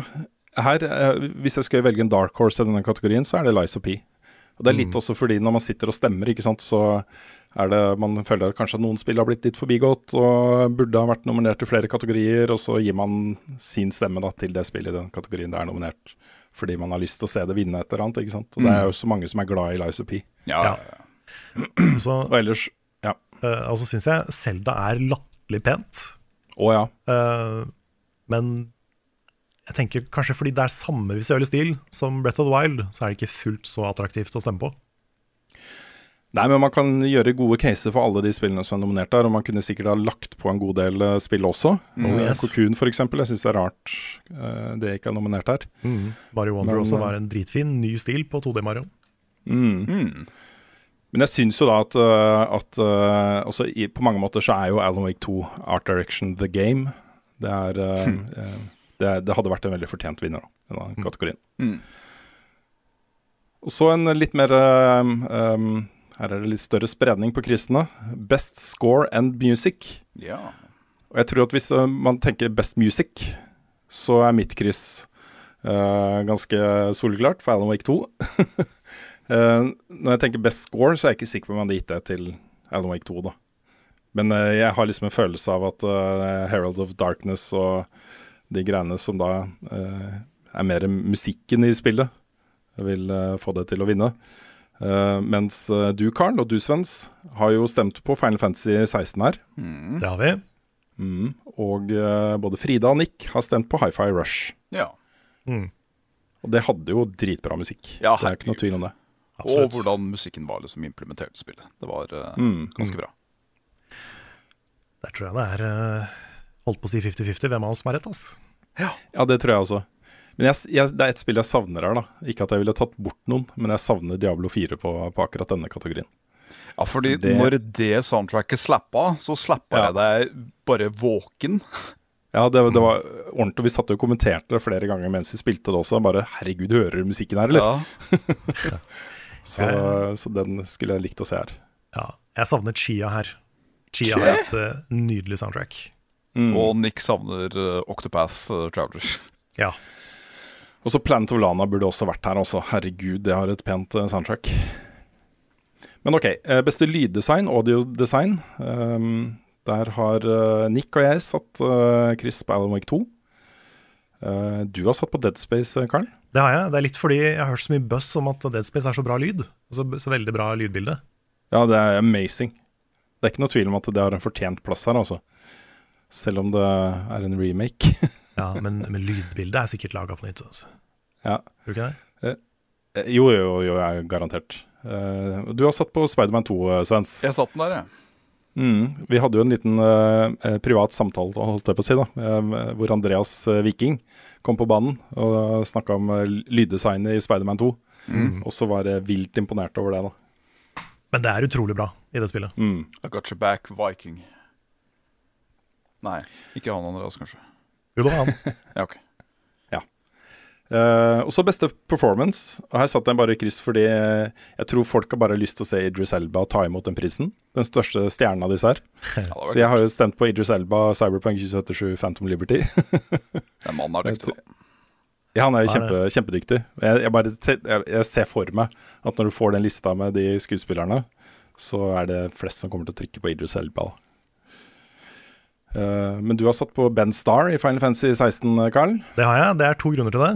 Det ene er at Mm. han er, jeg synes han er utrolig flink, eh, spesielt i de, de veldig sånn emosjonelle, tunge scenene. Så syns jeg han, han gjør en kjempejobb.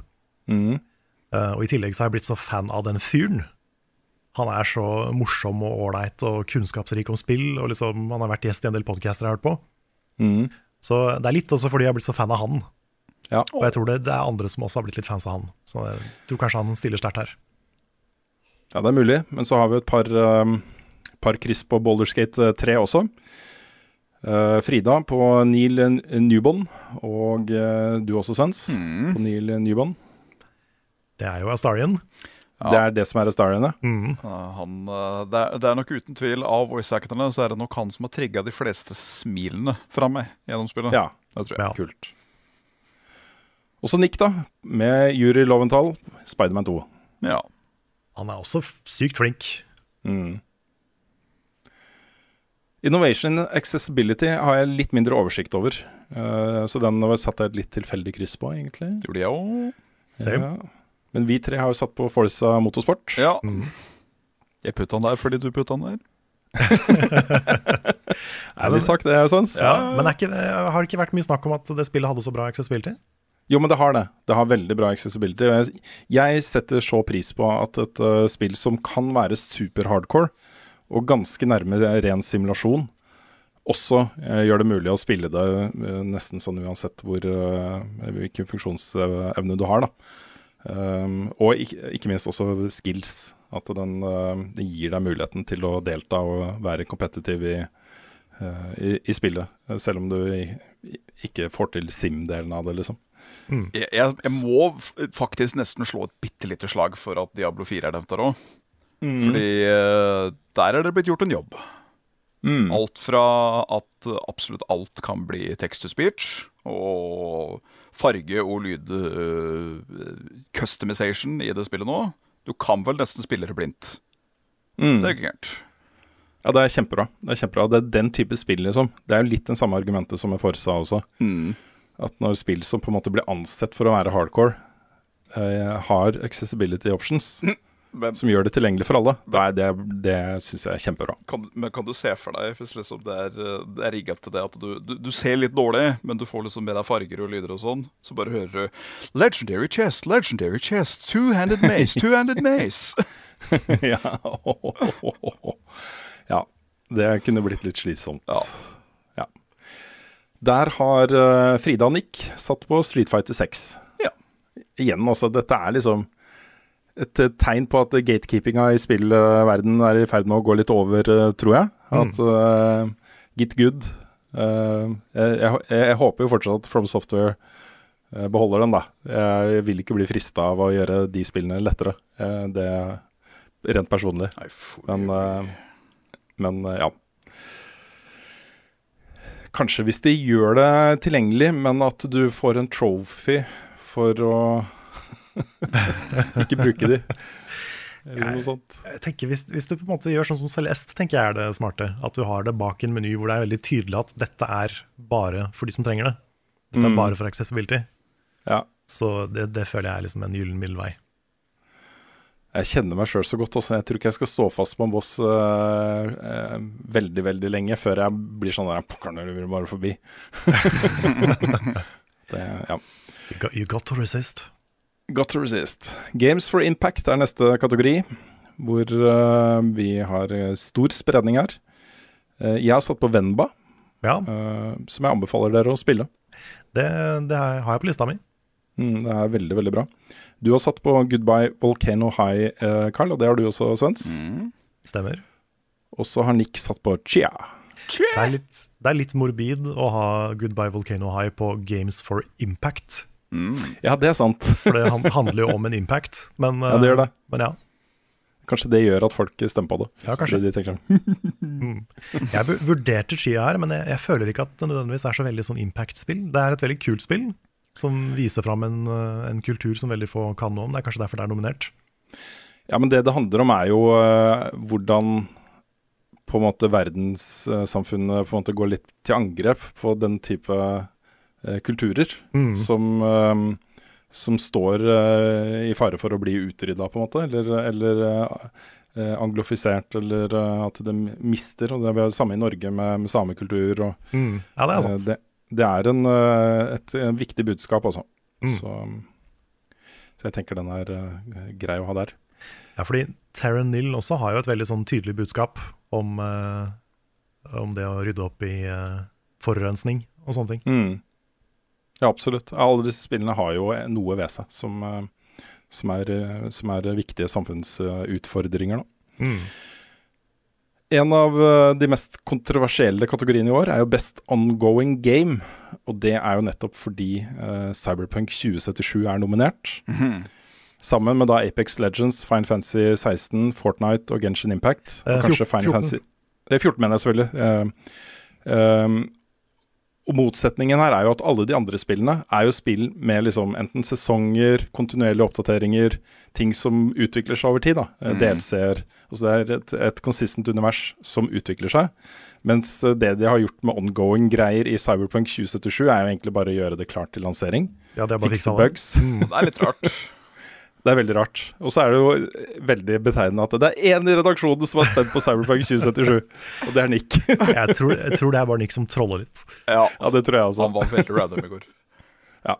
Alle vi andre har stemt på Fortnite, og jeg mener den er litt sånn soleklar vinner i år. Ja. Uh, rett og slett både fordi de har revitalisert community sitt ved å eh, ha litt sånn OG-content, eh, callbacks til gamle dager og sånt. Mm. Eh, men ikke minst introduksjonen av nye utviklerverktøy i, eh, i creative-modusen der. Sant. Så det, er, det er litt rart at 14 er nominert, for det har ikke kommet noen ny expansion i år. Nei. Mm. Uh, men det er jo altså, det er jo bra community support og, og sånn, men, men det er fortsatt en litt sånn rar, rar nominert her. Mm. Og så da, da beste community support. Um, eh, hvor eh, alle har stemt på Baldur's Gate- Baldur's Gate 3. Bortsett fra Frida, som ikke har spilt Baldur's Gate 3. Hun har ikke satt noe kryss her. Um, der eh, har det vært litt kontroversielt at Destiny 2 ble nominert. Fordi eh, community-avdelingen til Bungie ble jo øksa ganske kraftig i nedskjæringene i nå i høst. Mm.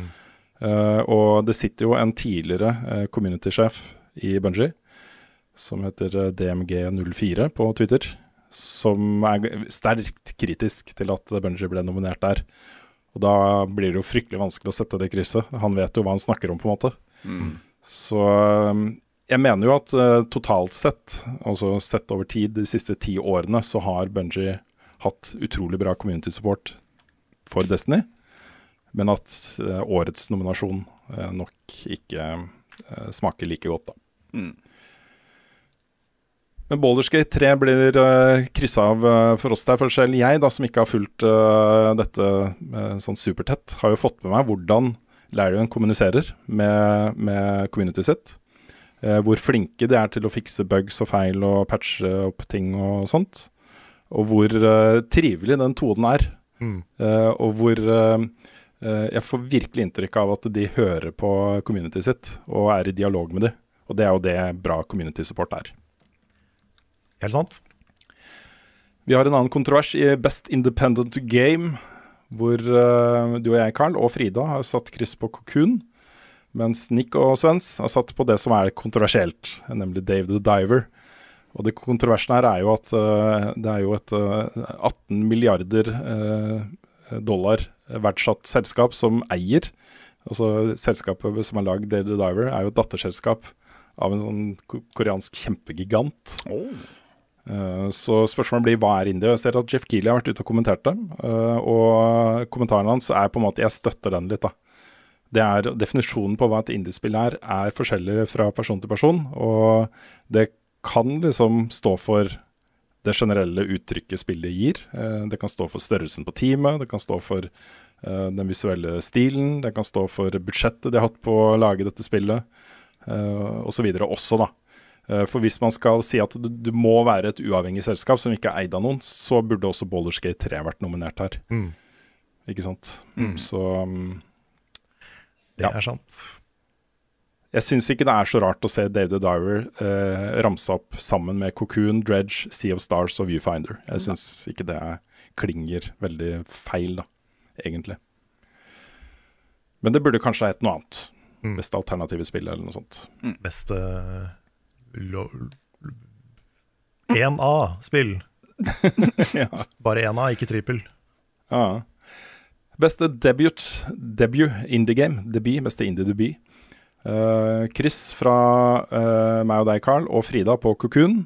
Uh, Svens på Dredge. Mm. Og Nick på Pizza Tower, som ikke har spilt. Nei, det har vært mye, bonkers, mye buzz rundt Pizza Tower i år. Mm. Så jeg skjønner, skjønner nominasjonen. Og så en haug med veldig tilfeldige kryss, tror jeg, på beste mobilspill. Hvor eh, alle, unntatt Frida, som ikke har kryssa her, eh, har kryssa på Honkai Star Rail. Jeg har ikke spilt alle disse spillene, men jeg kan nevne at jeg bare for gøy lasta ned Hello Kitty Island Adventure i går. Ja, Wow. Så um, var, det, fett. det det, det var litt gøy. Jeg satt og eh, spilte ved siden av, og sønnen min satt og så på at jeg spilte, han holdt på å le seg i hjel. Han holdt på å le seg i hjel. Spiller du Hello Kitty? Men det var eh, også overraskende vellaget, altså. Ja. Bare ikke my cup of tea. Det var ikke immediate cash grab, liksom. Nei, det var ikke det. Nei. Beste VR AR-spill. kryss Chris fra deg, Carl, til Gran Turismo 7. Jeg tror ikke det er et eh, dårlig tips. Eh, jeg og Frida satt på Horizon Call of the Mountain, Mens eh, Nick og Svens på Resident Evil Village VR-mode. Yes. Alt dette er jo PlayStation-spill.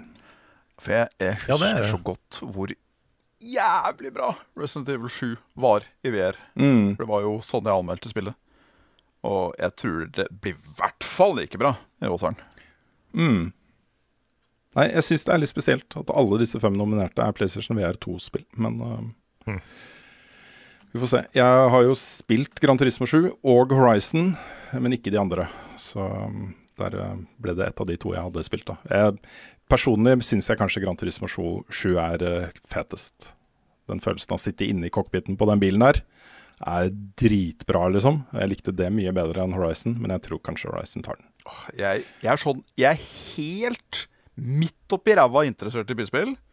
Men jeg ser for meg at det, få på seg et VR-headset og så sitte med Ja, ja. ratt og pedaler og kjøre uh, Gran Turismo, det tror jeg kan være kult. altså.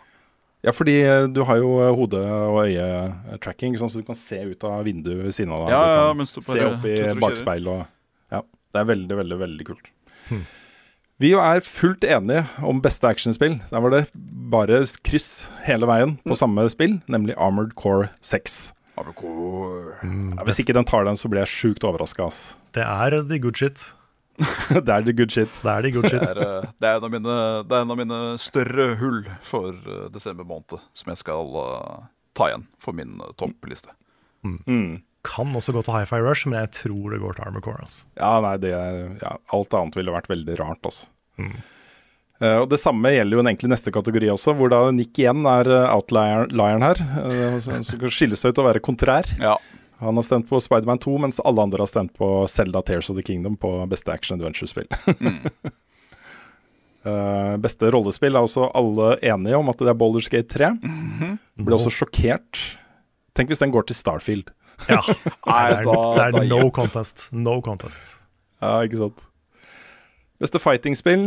Eh, igjen tror jeg litt mye tilfeldig kryss her. Uh, du på Mortal Kombat 1, Carl, uh, og vi andre på Street Fighter 6. Her var det jeg som ville skille meg ut. Det Ja. var egentlig bare sånn her, Jeg tror det er Street Fighter, men jeg velger Mortal Kombat for moro skyld. Ja, men jeg tror det er ett av de to, da. Ja. Som, eh, jeg tror det, dette er en sånn type kategori hvor mange stemmer som ikke har spilt noen av spillene. Mm. Og det kan hende at mange bare syns eh, Mortal Kombat 1 ser litt morsommere ut. Mm. Ja. Så eh, kanskje. Beste family-spill, alle enige igjen. Super Mario Bros. Wonder. Ja, for vet du hva, jeg var så dritferdig med alt sånn New Super Mario Bros-piss. Men dette er bra, altså. Det er kjempebra. Det er kjempebra. Det er kus. Yes. Så må jeg rase litt gjennom eh, de andre her. Beste Sim-strategispill. Um, spredning. Uh, vi har én på Fire Emblem Engage, som jeg stemte på. Eh, vi har to på Pikmin 4, som eh, Carl og Nick stemte på.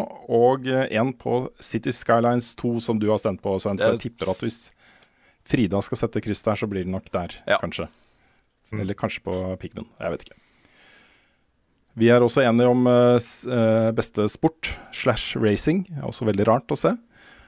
Uh, Forsa på alle der, bortsett fra Frida.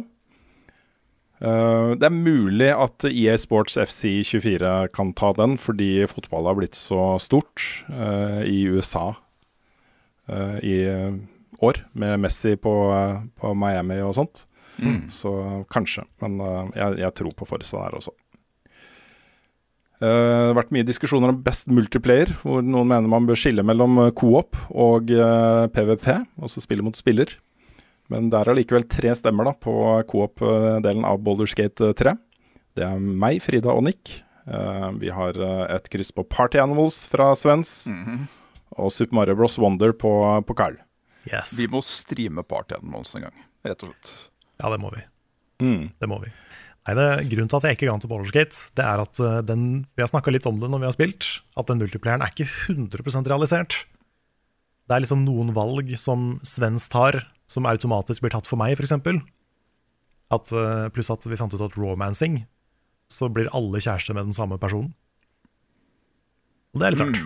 Så det er, det, det er ikke alt som er liksom 100% fintuna for multiplayer.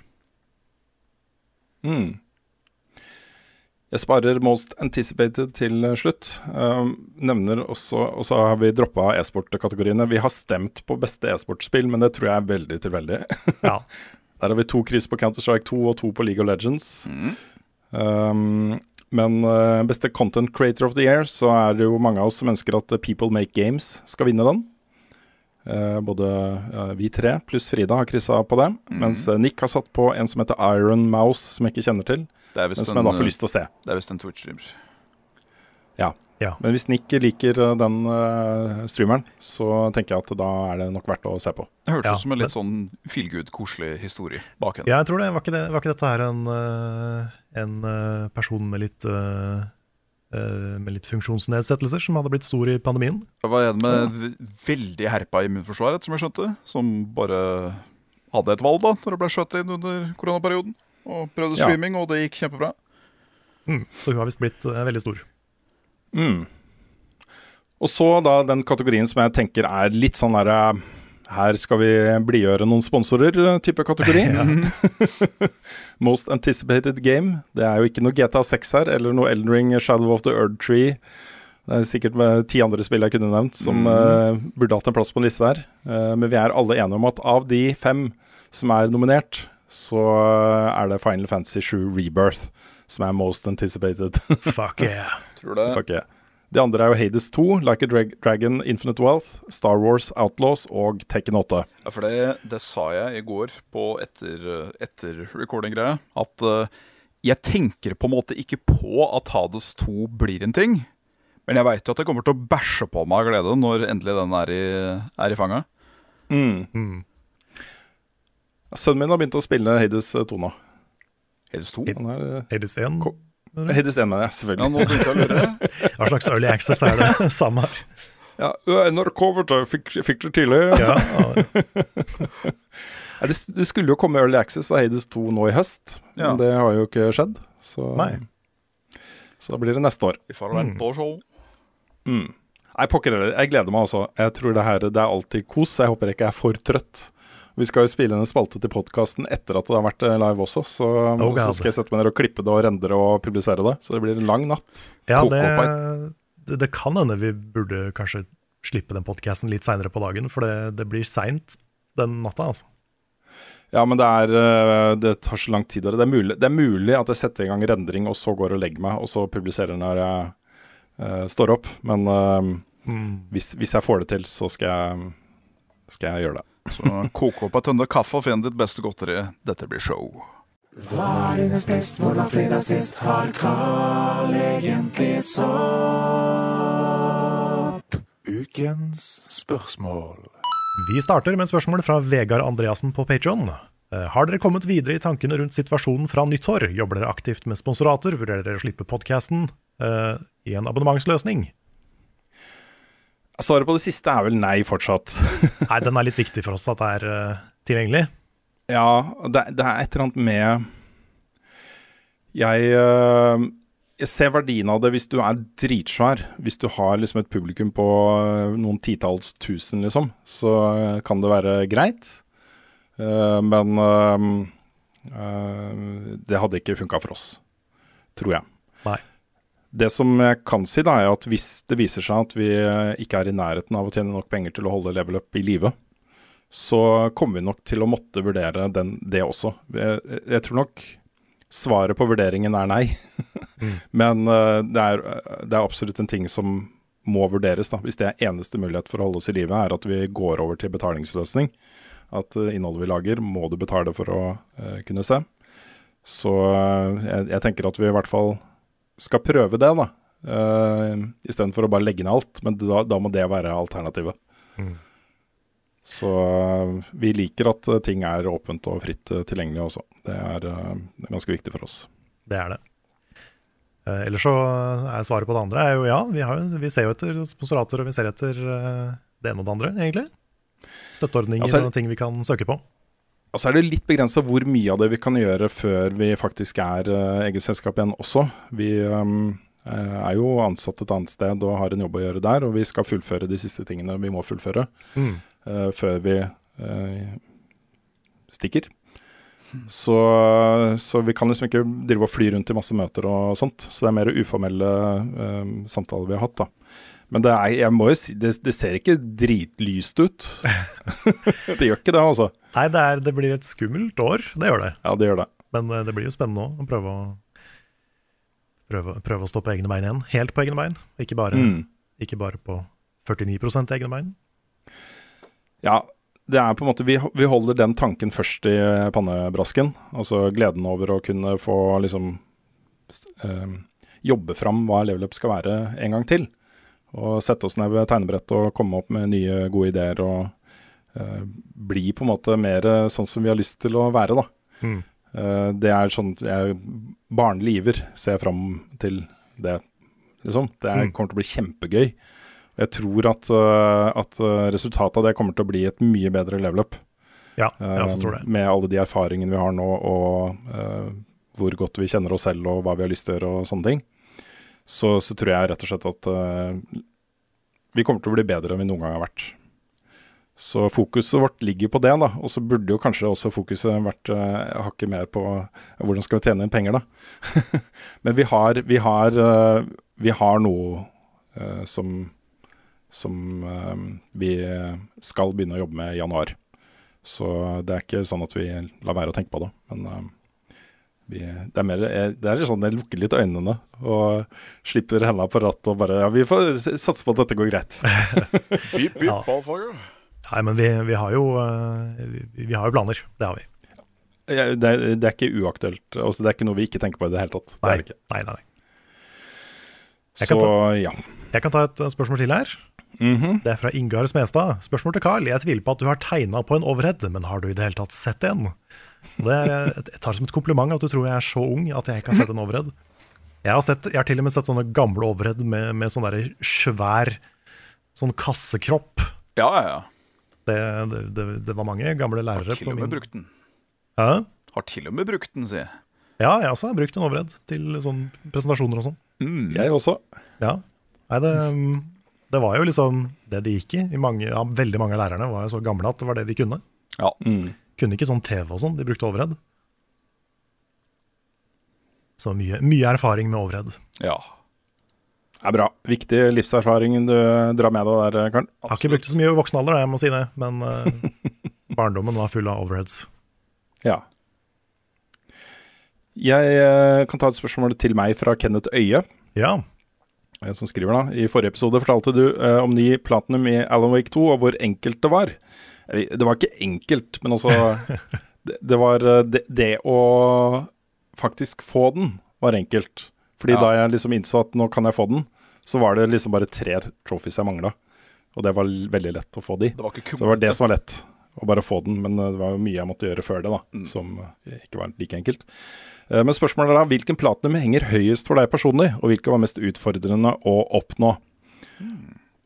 Vi er nok over i From Software-landen, tror jeg, da. Um, jeg vil nok si at det som jeg brukte, som var tøffest, som var vanskeligst, var den der siste ringen jeg mangla i Dark Souls 3. For da måtte du være på New Game pluss 2 mot uh, Nameless, uh, Nameless King. Mm. Nameless King, ja. Som allerede var en tøff fight på vanlig, vanlig New Game. Ja. Og så eh, var nesten umulig på New Game pluss, og så komplett umulig på New Game pluss én. Eller to, eller hva det ble. Ja, Og det, er- det, var, det var vanskelig, altså. og den er tøff. Og egentlig kjip. Altså, jeg, jeg var der så lenge, og jeg la ut summon-signet mitt, uh, mitt og fikk eh, folk til å prøve å komme inn og hjelpe meg, og folk eh, stilte opp. Men det gikk jo ikke, så til slutt så tok jeg en solo, tror jeg. Mener du husker at jeg tok den solo? Let me solo. Ja. Følet med solo blanding. Men det var eh, både utrolig tilfredsstillende og, og veldig, veldig vanskelig, da. Ja, jeg, eh, jeg, må, jeg må si jeg har, kjenner jeg har litt gruff over, over de platinum-greiene der. Hvor det liksom det krever at du må, du må dra ut spillet så jævlig med de der Mm. New Game Plus-greiene. At du får én ny ring på New Game Plus. Ja, men det er fint. Men så må du finne en spesifikk boss på New Game Plus 2. Da begynner, det, å Mm. bli, da begynner det å bli kronglete, syns jeg. Ja. Den, den jeg syns var mest komplisert, var nok Dark Souls 1. For da måtte jeg sitte med regneark og kjempeskjema og full oversikt over hva jeg måtte kjøpe, og når jeg måtte kjøpe da forskjellige vendors og, og hva jeg måtte gjøre i New Game Plus. Det var, liksom, det var så mye å holde styr på at, uh, at uh, jeg kvia meg kjempelenge for å gjøre det. Men jeg tok jo platinum i både Dark Souls 1 og 2 i år. I, i vinter. Fjor, altså ikke fjor vinter, men i vinter i år. Ikke verst. Og det var utrolig tilfredsstillende. Men uh, særlig Dark Souls 1 var Da måtte du holde tunga rett i munnen. Altså. Gjorde du én feil der, så måtte du begynne helt på nytt. på en måte Og Det var, uh, det var jeg dritstressa for. Jeg ser det er veldig mye sånn Covenant-piss. Det, Mm. Der kan du fort gå glipp av noe. Ja, det er akkurat det du kan. Og så må jeg si at jeg ble superhappy for å få det i Returnal. Det var, uh, det var mm. mye fordi jeg ikke trodde jeg kom til å være i nærheten av å få det til da jeg starta å spille. Og det, det husker jeg fortsatt, den der følelsen jeg satt med de første 10-15-20 timene av det spillet. Hvor, hvor uoverkommelig det var, og hvor lett det har blitt. Kan vi komme med en liten fun fact til nå i denne evige beefen om uh, Returnal i, i, i redaksjonen? Mm. Fordi jeg, var litt, jeg var sånn litt lunken til uh, Returnal. Jeg visste jo at det kom til å være et spill jeg mest sannsynligvis kom til å like, men jeg gadd liksom ikke å putte altfor mye penger inn i det. For det holdt seg jo på sånn 900 kroners på PlayStation Store i over et år etter at det kom ut. Mm. Så får jeg det til julegave av Nick. ja. Skulle bevise at det ikke var bra, var det det? Ja, og så Ja. spiller jeg det, og jeg kommer til første bane på loop nummer to, og det bare Åh, oi. Mm. Dette Ja, er noe nei, eget. det, er, det er noe eget. Jeg må jo nevne også at uh, Fordi jeg har jo også spilt uh, Returnal i år. PC-versjonen kommer jo i år. Ja. Og hvis jeg skal følge logikken din, Carl, så kunne det blitt mitt Game of the Year i år også. Nei, det er ikke sant. Det er det samme spillet. Det er en ny release. Det er ikke det samme som Ah, nei, det er Ultrawide. Det er er ultrawide, Nei, det er og så er det høyere frame rate. Nei, nei, nei, Det er det samme spillet. Nei, kom igjen, kom igjen. Give it up. Nei da. Nei, men det, det, det mener jeg seriøst, da. Hvis, hvis det hadde kommet ut i år, så hadde det vært uh, mitt Game of the Year. Ja, hadde, Selv med så sterkt år som det er nå. da. det hadde faktisk kniva litt. Det hadde det. Men uh, vi, må ta ny, vi må ta ny liga igjen, da, Rune. Ja, jeg har litt lyst til å spille hele spillet jeg, nå neste gang. Ja. For det er seks-sju timer. Mm. Jeg har, jeg har runda det på rett over seks eh, timer og tre-fire minutter. har jeg det på. Ja, for da, da har jeg et forslag til hva neste liga kan være. Mm. Vi, vi spiller gjennom uh, Returnal, koser oss med det. Og så ser vi hvem som kommer høyest i det tårnet. Ja, det er også en, en god ting. Mm. Men det er også noe vi kunne gjort på stream i co-op. Tatt uh, Tower of Sisyphus. Yes. Ja, Den får mest points. Jepp. Ja, nei, det, det er en god idé. Good. All right, så har vi noen flere spørsmål. Mm. Eh, ja, vi kan ikke avslutte med det fra eh, eh, Kelgonath, eller Selgonath? Selgonath. Det, rett og slett fordi jeg er litt spent på hva dere syns. Ja. okay, det kan vi godt. Eh, Spørsmålet er da, i hvilken grad ser dere på Let's Plays av spill? Selv erfarer jeg at med unger blir det mer tid til å tenke på spill eller disk diskutere med venner enn faktisk spilling, så da kan det være litt kos med å se på noen andre spillere når en spiser. Jeg ser det, er jo et par YouTube-kanaler som bare er dedikert til Let's Play, som jeg liker å se på. Men jeg ser veldig ofte på spill jeg bare er litt nysgjerrig på, men nødvendigvis ikke gidder å spille selv. Ehm, og så liker jeg å se folk spille spill jeg har vært igjennom før, som kanskje til og med kan være litt sånn Åh, nå har jeg litt sånn sadistisk glede for eh, de veggene de kommer til å møte. Hvordan kommer de til å takle det? Det er gøy. Ja. Jeg ser på noen Let's Plays, ikke så mye som jeg gjorde før. Men jeg ser fortsatt av og til på Game Grumps. Og um, ser noe på Playframe. Ellers så er det liksom et par streamere som jeg ser på av og til. Ellers så, så var det mer før, altså. Ja, jeg, jeg liker ikke å se på Let's Plays av spill jeg ikke har spilt. For da blir jeg sånn her Da føler jeg at, uh, at jeg på en måte tar fra meg selv en opplevelse som jeg potensielt kan ha en gang. Um, men uh, det hender at jeg ser på Let's Plays av spill jeg har spilt. Og da går det jo mye From Software, da, det må jeg innrømme. Ja. Så jeg har sett en del Fighting Cowboy, f.eks. Jeg har lyst til å kjøpe den T-skjorta hans. Han har en T-skjorte som bare er du Det står masse store sverd, og så står det bare 'Strength Build'. Det, er- det er Så- din T-skjorte. Ja, det er min T-skjorte. Og det er det jeg går for hver gang. Ja. Så, mm, så eh, Ja. Jeg har sett på noe annet også, men det er Det er ikke noe jeg bruker veldig mye tid på også. Det rekker rett og slett ikke. Det hadde, gått, det hadde faktisk det hadde gått av eh, TV-serietida mi, da. Um, Ja, faktisk. jeg kan jo Ja. si at min abonnementstjeneste når det gjelder underholdning, det er faktisk YouTube. Jeg Mm. orker ikke ads. Nei. Nei. Men jeg, det er ikke så ofte jeg sitter og ser på Let's Place. da Jeg har det gjerne på i bakgrunnen mens jeg gjør noe annet. Mm. Mer en sånn podcast-type ting. Mm. Det er sant. Yes. Det var Det var kanskje siste spørsmål for denne gang.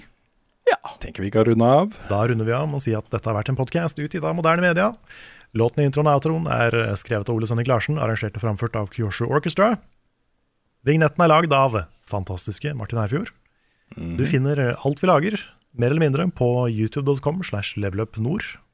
Der har vi også denne podkasten, men den finner du også på podkastplattformer rundt omkring. Vi streamer live på twitch.tv slash levelupnord. Og det, der finner du oss natt til fredag for å dekke Game Awards. Det blir veldig spennende.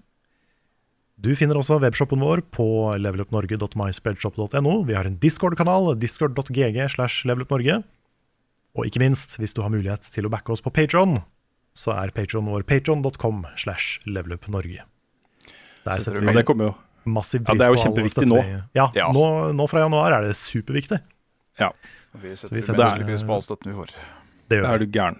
Det gjør vi. Jeg håper jo at ikke vi havner i en situasjon hvor det er den eneste inntekten vår. Og det, det skal litt til da, for at vi kommer dit. Vi har jo Ja. alltid hatt Så I starten så var Petron vil jeg si 80-90% av inntektene våre.